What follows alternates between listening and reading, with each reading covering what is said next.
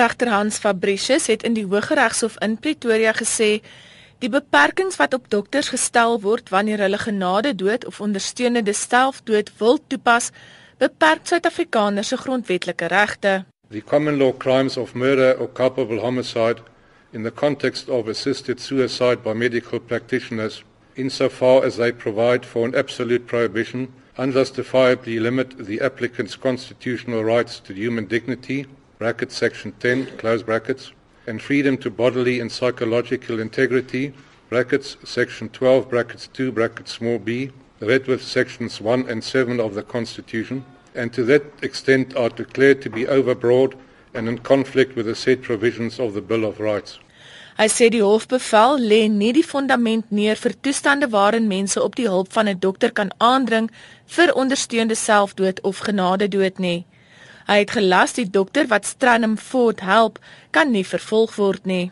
The applicant is entitled to be assisted by a qualified medical doctor who is willing to do so to end his life either by the administration of a lethal agent or by providing the applicant with the necessary lethal agent to administer himself.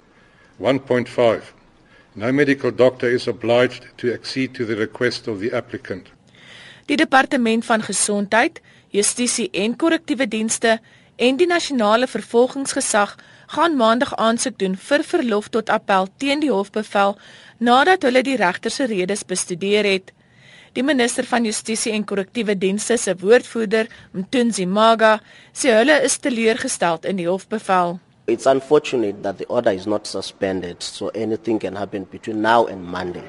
But the appeal that we will be moving on Monday is for, for purposes of preventing any abuse of the process given the ruling today and its far-reaching implications on the constitutional aspects of it, the healthcare systems that are in place, as well as the powers of the prosecuting authority, because it is for the first time that a court says a prosecuting authority cannot exercise its right to prosecute a person. Hy sê daar is geen wette of raamwerk wat ondersteunende selfdood of genadedood beheer nie en dat hulle bang is onetiese dokters kan die uitspraak misbruik.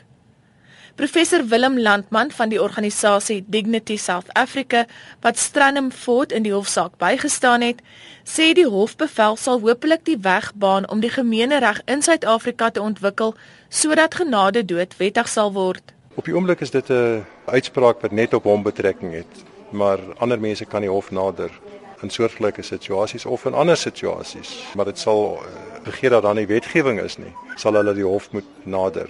Hy sê hy glo nie die komende aansoek vir verlof tot appel sal druk op Strandford plaas om oorhaastig op te tree nie.